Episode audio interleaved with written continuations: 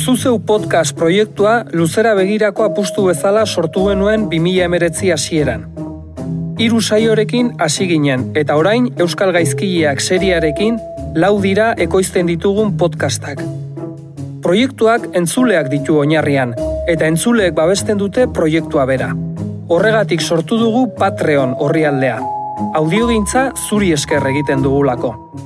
Patreon orrialdean hiru arpidetza mota topatuko dituzu. Aukeratu egokiena iruditzen zaizuna, zuzeu podcast komunitatera batu eta proiektua babesteko. Sartu patreon.com barra zuzeupot elbidera eta arpidetu gure edukietara.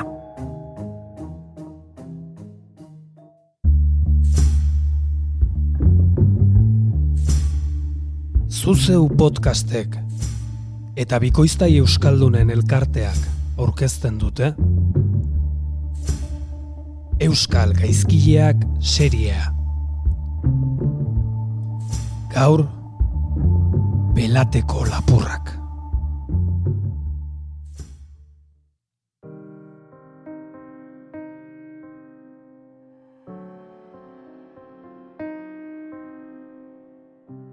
Emeretzigarren mende hasieran, milaka eta milaka erromesek zeharkatzen dute Euskal Herria, doneiako bidea egiten. Kompostelara iristeko, amaika oztopo saiestu behar dituzte erromesek. Mendi garaiak, animalia basatiak eta bide lapurrak. Mila sortzeun da bederatzigarren urtean, bidaiariei ikara berezia eragiten dien puntu bat sortu da belateko mendatea. Irun edo horreaga aldetik irunera iritsi nahi duen orok igaro behar du. Eta gaur gaurkoz, gehiengoak bere dirua galdutza teman dezake. Hori, kasu honenean. Askok, bizia bera ere galtzen baitute bidean erabiltzen duten basakeria eta ankerkerian gatik famatuak bihurtu dira belateko lapurrak. Gizon krudelak eta odoltzaleak izateaz gain, hausart eta prestu fama ere badutenak. Soldadu hoiak dira, eta ez dira gutxi gudu ostean bizi normal eta aspergarrira integratzeko gai izan ez direnak. Gainera, belatekoek urte luzetan zehar habilitate berezia garatu dute urkoa galbitzen.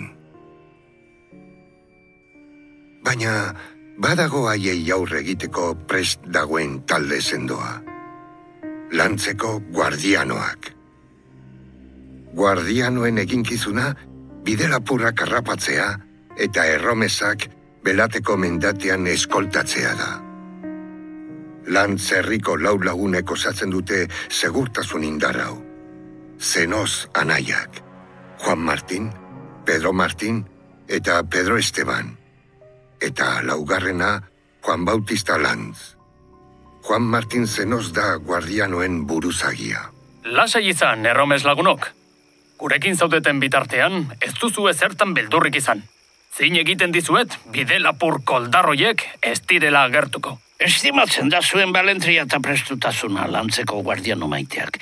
Ni bezalakoa gure batek ezin du bere burua malapartatu hien gandi bakarrik babestu.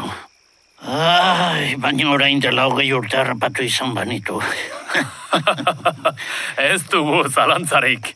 Aizu, Eta nolatan doa zure adineko norbait kompostelaraino?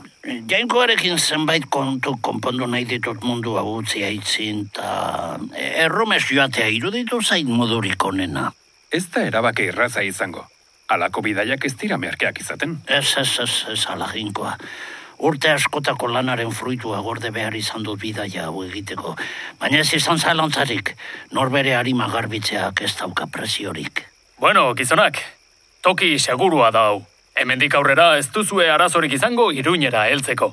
Beno agure, bidaiarik onena opa dizut. Eta gainontzeko erromes gazte hauek zaindu zaitzatela. Mil esker, jaunak. Mil esker. Jainko izan bedizuekin. Erromesek, oinez jarraitu dute bere bidea beste kilometro gutxi batzuetan zehar. Baina, toki segurua? Ez. Ez dago toki segururik belateko mendatean ez horixe. Geldia! Ez, Ongi, ez, ez, ez, Atera dirgua dita batean. ez, ez, mesedez, nire bizi osoko aurrezkiak dira. Eh, ko- Kompostelara. Ni, bizia ere ez baduzu galdu nahi. Eta besteak ere bai, inguratuta zaudete! Eta egia da, inguratuta daude. Lapurrak lau dira, aurpegia estalita eta armak eskuan. Erromes gazte batek ordea, indarrasko eta buru gutxi dauka. Eta bi aldiz pentsatu gabe egindu lapurren aurka gibelean zeraman aiztu bat eskuan hartuta. Hemen batean, lurrean zegoen, ilotz. Ba, aldago beste ausarten bat? Ederki, ba utzi zuen gauzak zakuto honetan. I, sozio, miatu itzak gero. Listo? Beno, orain, asko eskatzea ezpada. Zatozte lauro gurekin pago ederronetara. Zu ere bai, xarra! Jarri bizkarra pagoaren kontra. Laurok, Ez da giro erromesen artean. Lurrean zerraldo dauen gorpuak gogorarazten die hobe dela obeditzea. Lapurretako batek soka lodi batekin lotu ditu zuaitzera. Ez du, marinel korapido bat erabilita. Hau hemendik, beste punta hau hemendik. Keia, ea, zue biok, jarri kotxadu honen gorpua nire atzean. Beno jaunok, hemen utziko zaituztegu. Mila esker zuen kolaborazioagatik. Eta pentsatu, pentsat, beste hau baino hobeto zaudetela? Honek, kompostelara joan nahi zuen. Eta komposteran amaituko du. demonio, Juan ba. Ez aiz aspertzen beti txantxa berdina egiteaz. Kompostera, kompostera. Izan ere, gure lapurtaldeak ohitura zurrunak dauzka. Eta batek beti txiste bera kontatzen duen gixan. Gorpuekin ere beti gauza bera egiten dute. Almandozeko herrian, berateko portuaren hogeita garren eta hogeita garren kilometroen artean. Eskuineran zirteten den kaminotxo bat hartu behar da, San Blaseko bentatik almandozeko usategietara doana. Bertan, barazeleiko ordokian, bada leize zulo bat, dolina baten aldamenean. Zeit bat metroko arrapala dauka, eta jarraian, hogeita amabos metroko zulo vertikala. Horra, horra, eta ez beste inora botatzen dute, belateko lapurrek, haiek kildako jendea.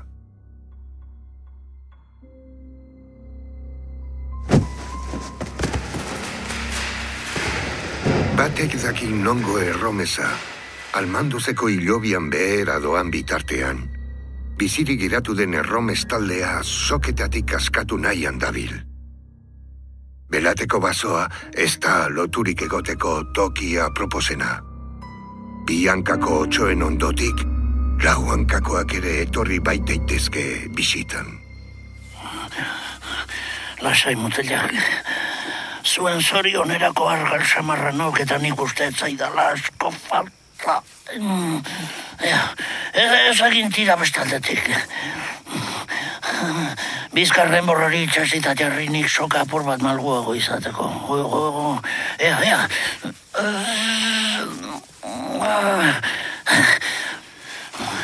Orentxe soltatuko zaituztet. Ilundu du jada. Erromesen begiak oitu dira argitasun faltara. Papatean, ez oso urruti. Argi batzuk ikusi dituzte, eta bertara abiatu dira. Lantzeko herria da. Bai? Ura! Jesus, Ura! Oraintxe, oraintxe. Baina ze gertatu zaizue? Belateko lapurrek harrapatu gaituzte. Motel bat dute. Ai, ama, hau da hau zori gaitza. Zatozten nirekin, guardianoak ostatuan daude.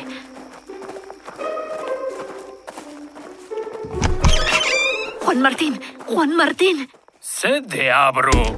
Erromes talde honi lapurreta egin zietek eta lagun batil. Guk eskoltatu dugun zaharra duketa. Agure, ze pasatu da? Zuek joan ta iruz palau kilometrora lapurrek segada bat egin digute. Gutako bat tiro zildute. Ta bere gorpua eraman. Geneukan denak kendu digute eta zuaiz bat lotu. Orain dela gutxi lortu dugu soltatu ta ona etortzea. Agustin, emaile gizon hauei jaten eta edaten, eta izan desatela gaur gauean oe epel bat. Gizonak, hartu kapak eta fusilak, urde horien bila goazta. Lasai, aitona, ziur aurkituko ditugula. Eta zure gauzak ekartzen dizkizugunean, doneiako bidea egiten segitu al izango duzu. Eskerrik asko jaunak. Jainkoa izan bedizuekin. Aitaren amaren eta espiritu santuaren izanean. Amen Jesus. Zaldietara! Ja! Ha!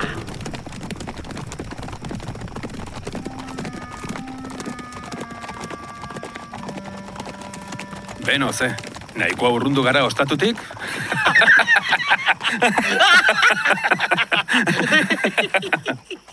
Haze susto aurpegia jarri duan, Esteban. Ikusteko izan duk. Nika bendio, uste nian korapiloa hobeto egin da utzia ni alaba. Praktika galtzen aria izala. Eta zarra, eskerrak ematen. Guk eman behar genizkioan. Bere kontura faldo diaguta. Lantzeko guardianoak. Haze piezak. Haiek eskoltatzen dituzte erromesak. Eta susmatzen badute sose zondo ornituta doazela, hobekien iruditzen zaien tokian edukazio oso zagurtu, itzulinguru bat egin, eta aurreragoa saltatu egiten dituzte aurpegia estalita. Erromesekin doazenean, Juan Martin eta Pedro Martinek hitz egiten dute soilik. Eta lapurretan ari direnean, Juan Bak eta Estebanek, inor kestitzan ahotsak ezagutu. Negozio honen ideia, Juan Martin zenozek izan zuen. Eta bera da, taldeko buruzagia. Gerran, aparteko soldadu gisa nabarmendu zen. Pentsa, txinpartarekin funtzionatzen duen fusil batekin airean botatako txampon bat zeharkatzen du.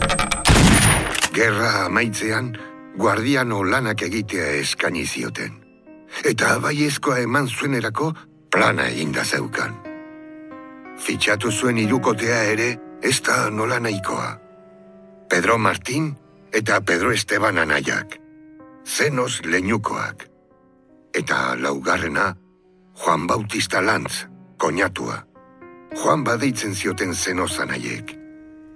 Juan bai ikaskina da, eta anaiei ofizioa erakutsi zien, ogibide bat emanez. Eta zenos anaiek, negozio oparoago baten ideia izan zutenean, berehala erabaki zuten Juan ba sozio egitea. Hau, txondorrak egiten ibiltzea baina hobea duk. Esanen nian banik, urterdia lanean pasata aterako genuen dirutza, atera diagu gaur gauean. Kaiku kuadrilla, kostako zaiek enteratzea. Gora lantzeko guardianoak! Gora! Eta gora belateko lapurrak! Gora! Sei urte igaro dira lantzeko guardianoak belateko lapurrak direnetik. Eta urtea joan eta urtea etorri, almandozeko leizeak bisitari gehiago jaso ditu. Mordo bat. Mila zortzi da malaugarren urtea da. Eta anozibarreko Kasimiro Salvatorena arduratuta dago aferarekin. Baztan eta ultzamako herritarrak ezkabiltza jendaila horren gandik libro. Lapurretak, hilketak, eta hori gutxi balitz, ezer gertatuko ez balitz bezala jarraitzen dute. Hasieran, inor ketzuen ezer susmatzen. Baina sei urteren ostean, bailarako etxe gutxi batzuetan badakite kalean esan ezin dena. Belateko lapurrak, lantzeko guardianoak direla. Lehen, inorketzuen ezer esaten, ez zeukatelako fartzaren berri. Baina orain, naiz eta jakin, ne orkestu ezer esaten, izuak isilarazten dituelako. Baina Kasimiro, herriko askoren gixan, naskatzen hasita dago. Dena haiena balitz bezala jokatzen dute. Denok haien manupekoak.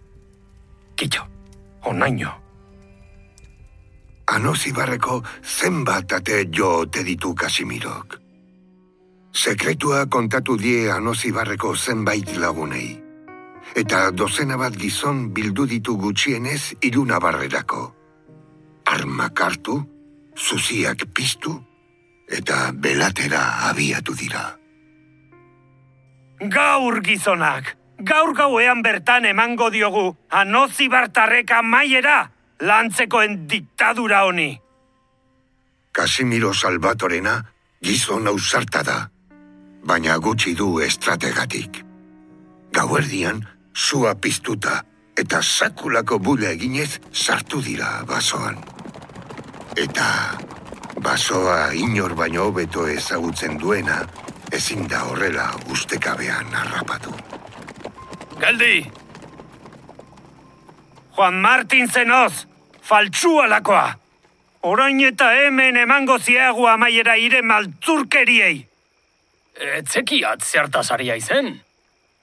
Bi kilometrotatik ikusi zaituztegu gerturatzen. Inguratuta zaudete. Nire gizonek ikusten zaituztete, baina zuek ez haiek. Utzi tontokeriak egiteari. Primeran zekiagu zertara dedikatzei zen, Juan Martin.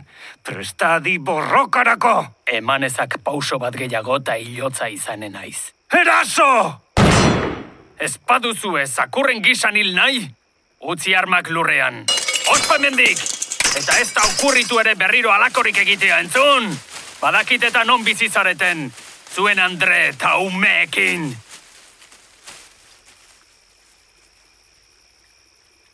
Oiek ja, ez dite kaoa zabalduko. Baina nola enteratu da inbeste jende? Etzekiat ba. Honek eskuetatik ies egingo ziguk azkenerako. Lantzeko guardianoei aurre egiten saiatu den gizaseme bakarrak, almandozeko hilobiko zerrenda gizentzea besterik ez du lortu. Lantzeko guardianoek kide berri bat fitxatu dute. Bonifazio, Juan Martinen seme zaharrena. Amala urte eskaz dauzka, baina bere aitak deliberatu du prest dagoela familiaren negozioan sartzeko. Mutilari, etzaio gogori falta lanean hasteko. Guazen, aita. Guazen erromesko jaduren bat galtzontzilotan ustera. Etzekiat, erromes gutxi zebilek azken aldian inguru hauetan. Baina topatuko diagu zerbait, leixago edo beranduxiago. Ea gizonak, zaldietara! Basoan itzuli bat eman eta gero, lehen pertsona ikusi dute hurbiltzen. Bidera atera zaio Juan Martin. Egunon, Andrea. Lantzeko guardianoak gara. Norantz zoaz? Elizondora.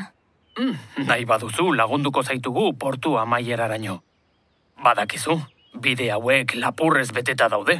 E, bai, eskerrik asko. Juan Martin, Ze, zioa du sainon hartzen emakume horri. zeba, Duela biekun nik eskoltatu nian. Eta nozibarreko bide gurutzean atera zuan bidetik. Jator eta eskerronez egintzian bidea nirekin. Eta ez lapurtzea erabaki nian. Agerikoa baita ez duela sos handirik. Baina, ez alduk ikusi jarri duen aurpegia gu ikusitakoan. Orain bazakik norgaren.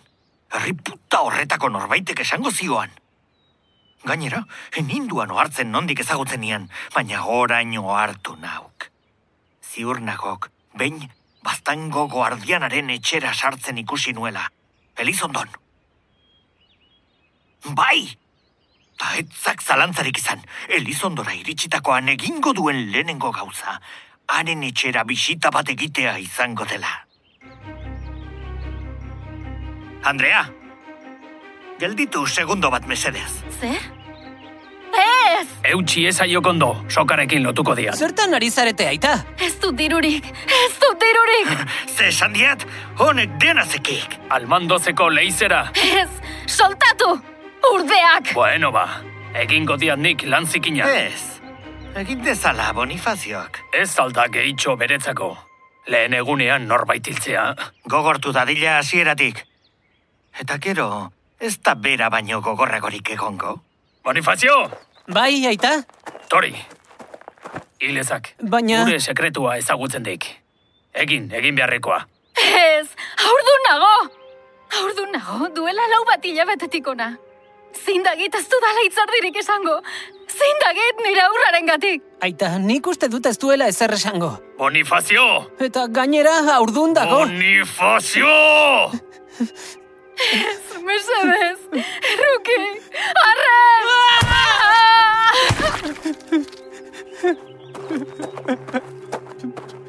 Gogorra izan duk. Baina hemendik urte batzuetara eskertuko didak. Tira, guazen. Kabindio, ez diok tajuzko espatakada eman. Bizirik zagok! Amaituko dian nik semeak hasitakoa.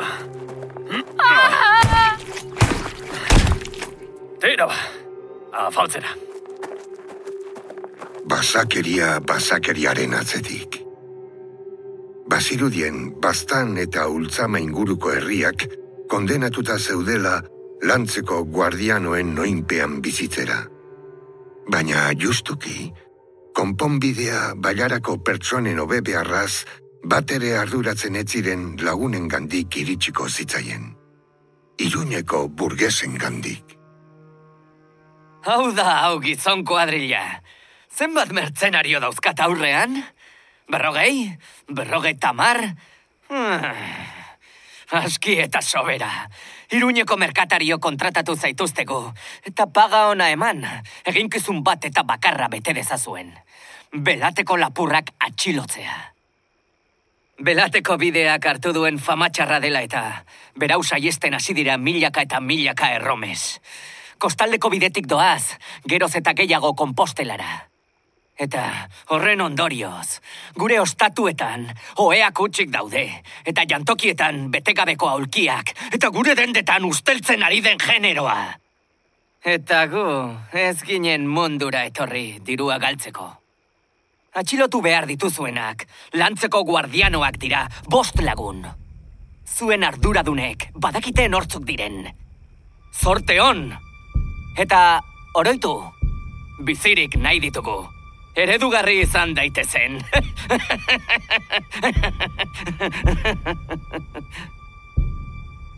Merkatuaren beharrak jokoan sartzen direnean, broma gutxi.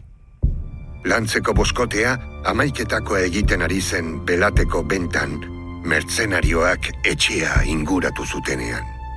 Aita, aita! Zer, Soldadu mordo bat ari da benta inguratzen. amaitu itzak arrautzak eta xingarra. Tarte batean ez baitu korrelako ezer jaterik izango. Geldi hor!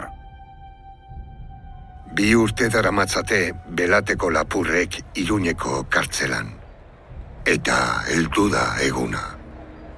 Juan Martin Zenoz, Pedro Martin Zenoz, Pedro Esteban Zenoz, Bonifacio Zenoz, eta Juan Bautista Lantz urkamendiko eskailerak igotzen ari dira. Ilaran jarri dituzte, helduenetik gazteenera.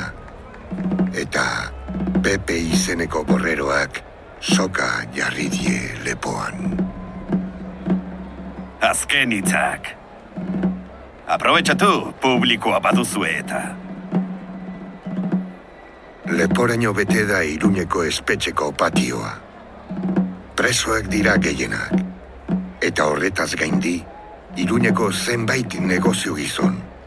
Udaleko agintariak, apaizak eta bastango zein ultzamako zenbait kargu publiko daude. Baita, hainbat iruin seme xume ere.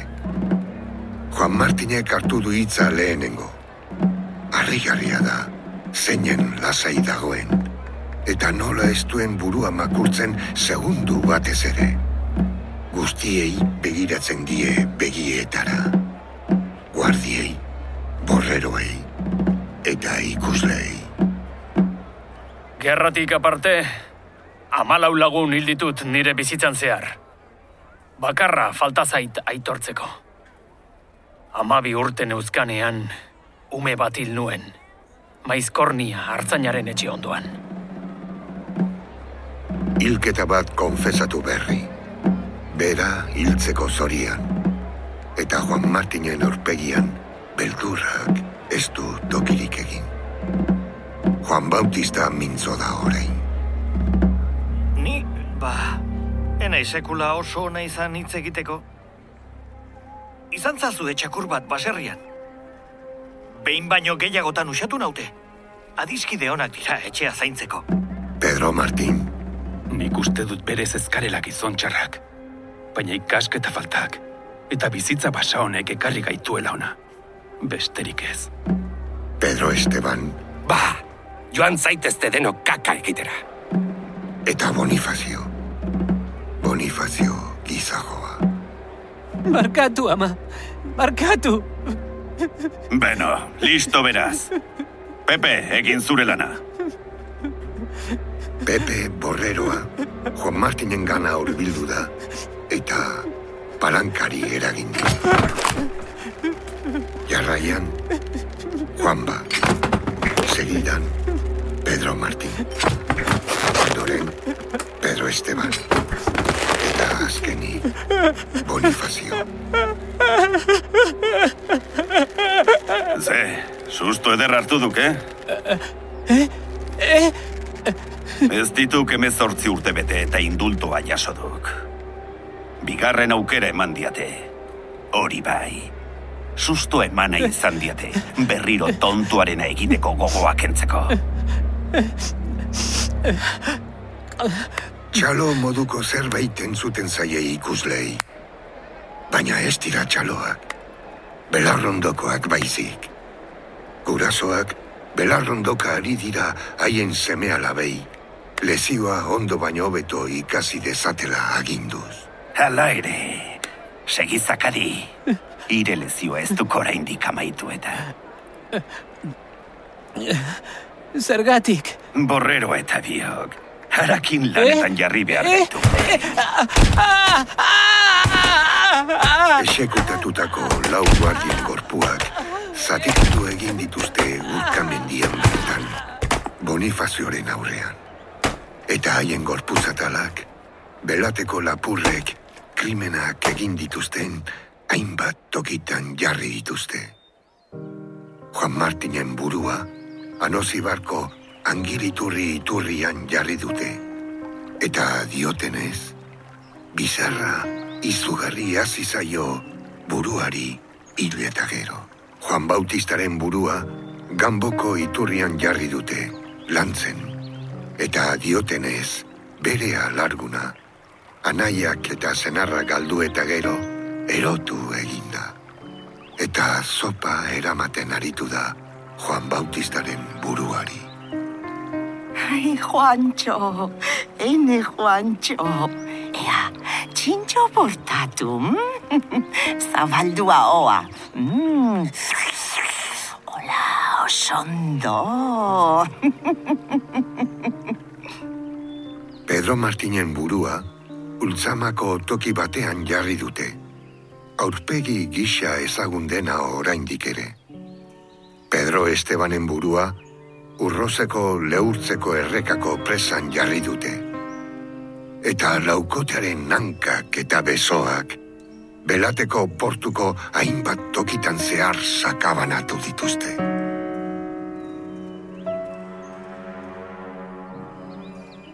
Esekuzioa ikusi zuten lagunen artean, bazen bertsolari bat.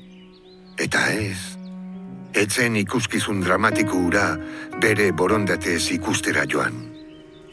Bertsolari hau presoa zen. Gatibu zegoen iruñeko kartzelan. Zergati dakigun hori? Esekuzioen ondoren idatzi zituen bertso jarrietan irakurtzen dakienak jakingo du eta belateko lapurren kanta ondo entzuten duenak deskubrituko du.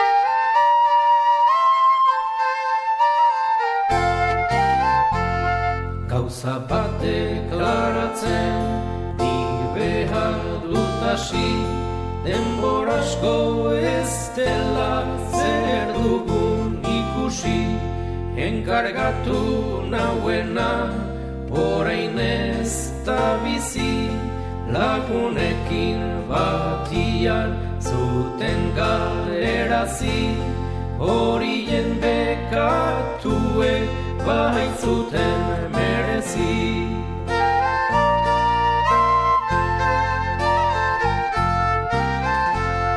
Anaietan zarena joan zen aurrera Garboz pasa zituen zenbait eskalera Ailegatu zenean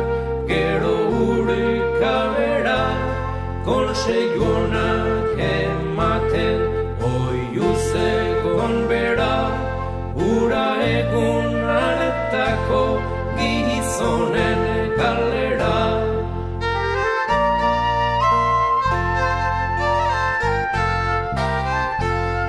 Bat orduko hila zen Gero bigarrenari Kordale potik sartzen zitzaizkolari Tunika bat burutik zitzaion erori Begira gelditu zen bere anaiari. Zer kontrolamendua bihotzal txagarri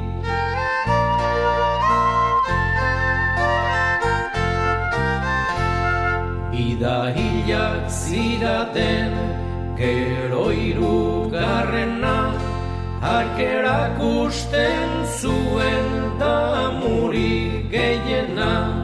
Lengo gaizki eginaz orain zuen pena Ez zuelako bete jaunaren ordena. Zuzen ibiliko da munduan zurdena.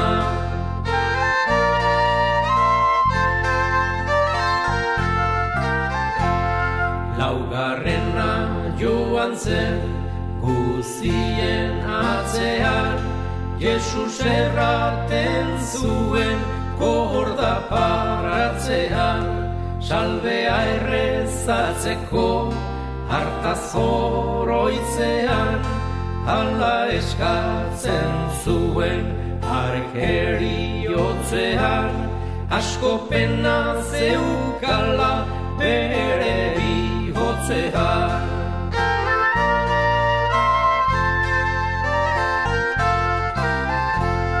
Haien gaizki eginak ongi probatuak Garraztasun handian ziren zehatuak Lauetarik aniru han laurdenekatuak Izugarriak ziren haien bekatuak Hamar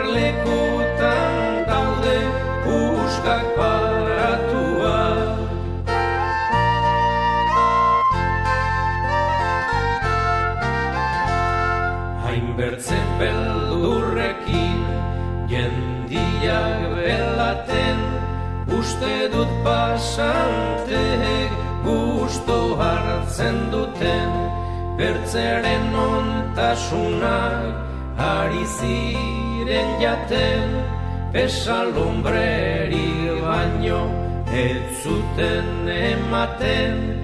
Pepek deskantsu ona paratu du aurten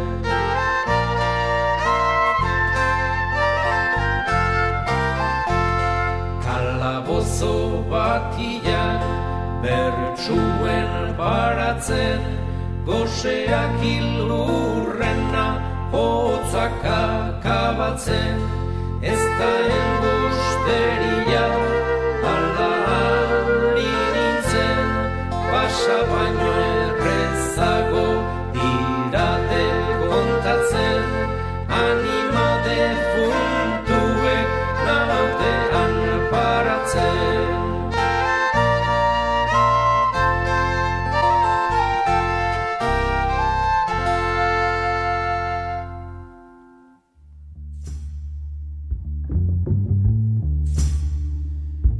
Euskal Gaizkileak seria, zuzeu podcastek eta bieusek bikoiztai euskaldunen elkarteak ekoitzitako lana da.